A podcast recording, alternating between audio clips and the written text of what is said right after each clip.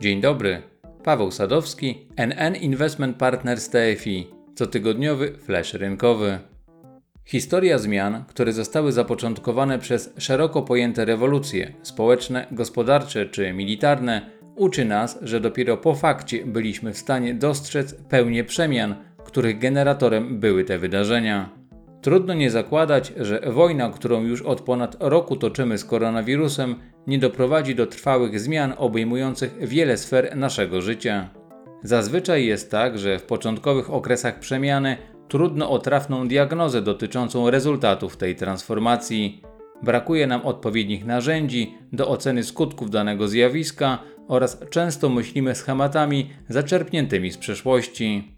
Dopiero nowy sposób działania czy analizowania danych pozwala nam na skuteczną adaptację do aktualnych warunków naszej codziennej egzystencji.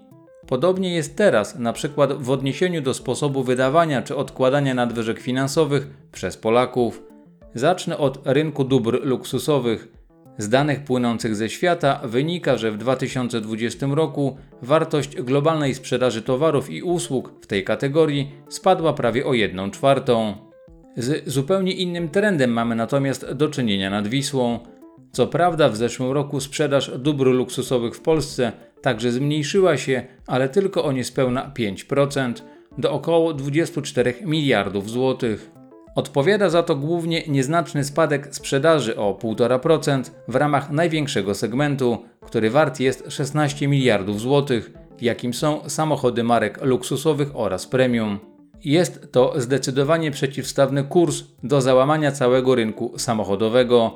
Sprzedaż wszystkich aut osobowych zmniejszyła się w skali poprzedniego roku o niemal 1 czwartą. Oczywiście, kondycja polskiego rynku dóbr luksusowych kontrastuje z globalnymi tendencjami, ale nie należy wyciągać z tego pochopnych wniosków, że Polacy ograniczają się tylko do konsumpcji. W minionym kryzysowym roku gospodarstwa domowe rekordowo szybko powiększały stan swoich kont. Na koniec grudnia wartość depozytów bankowych tych podmiotów przekroczyła bilion złotych.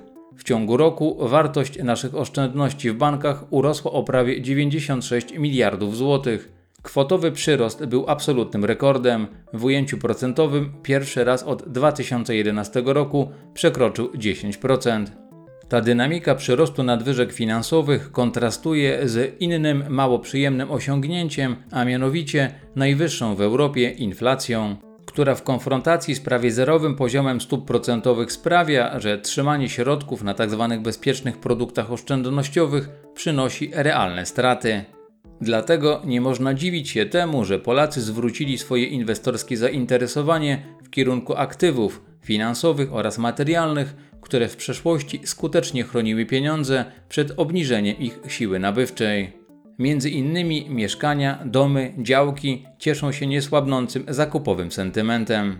Natomiast zeszłoroczny prawie dwukrotny wzrost krajowego popytu na złoto inwestycyjne doprowadził do tego, że staliśmy się jednym z istotniejszych w Europie rynków złota, wyprzedzając pod względem wartości jego sprzedaży np. Francję i zbliżając się do Wielkiej Brytanii.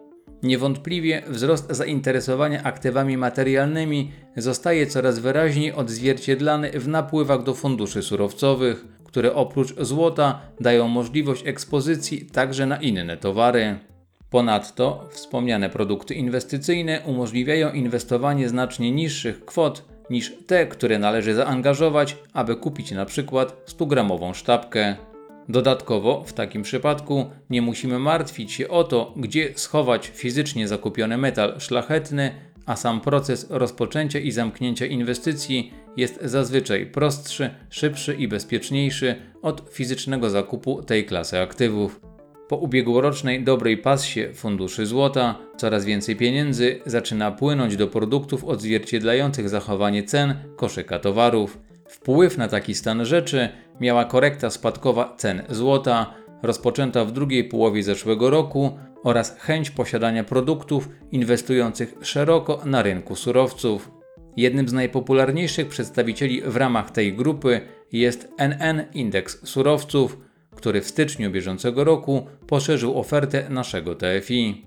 Celem tego subfunduszu jest zapewnienie efektywnej ekspozycji na zdywersyfikowany portfel towarów oraz uzyskanie stopy zwrotu wyższej od wyniku indeksu Bloomberg Commodity, który z kolei odzwierciedla zachowanie cen surowców energetycznych, zbóż, tzw. surowców miękkich, żywego inwentarza, metali przemysłowych oraz srebra i złota. Pozostając na chwilę przy cenie tego ostatniego z wymienionych metali szlachetnych, to warto zwrócić uwagę na przepływy netto w ujęciu miesięcznym funduszy Gold ETF, które kontrolują około 90% aktywów w złocie notowanych w USA. Ostatnia fala spadkowa cen złota, rozpoczęta w sierpniu 2020 roku, doprowadziła do drugiego największego w historii odwrotu wspomnianych funduszy. Wcześniejsze, rekordowe ucieczki kapitału z rynku złota okazywały się doskonałymi okazjami do jego kupna. Niewykluczone, że w najbliższych tygodniach przekonamy się, czy i tym razem będzie tak samo. Natomiast w kontekście możliwego zachowania cen szerokiego spektrum towarów w przyszłości, to warto także wspomnieć o globalnym wzroście stopy oszczędności. W ostatnich miesiącach, w ramach wszelakich form pomocy dla gospodarek, do obywateli popłynął szeroki strumień bezpośrednich zastrzyków pieniężnych, zasiłków oraz ulg podatkowych. Niejednokrotnie beneficjenci tych przepływów mieli ograniczone możliwości ich wydania, co w rezultacie przełożyło się na zeszłoroczny dynamiczny wzrost oszczędności gospodarstw domowych w ujęciu globalnym. Można sobie wyobrazić, że gdy globalna gospodarka ponownie zacznie się otwierać na skutek wyszczepienia odpowiedniej ilości populacji i nie będzie w stanie zaoferować wystarczająco dużej ilości usług oraz dóbr na skutek bankructw, które w międzyczasie zmniejszyły ich podaż, to może to doprowadzić do dalszego przyspieszenia procesów inflacyjnych. W związku z tym, że ceny surowców są istotnym składnikiem bezpośrednim i pośrednim inflacji, to jej wzrostowi towarzyszą zwyżki cen surowców. To tyle na dzisiaj i do usłyszenia. Za tydzień opowiem szerzej m.in. o tajemniczej grupie funduszy ASZ, które zaczynają przeżywać swoją drugą młodość.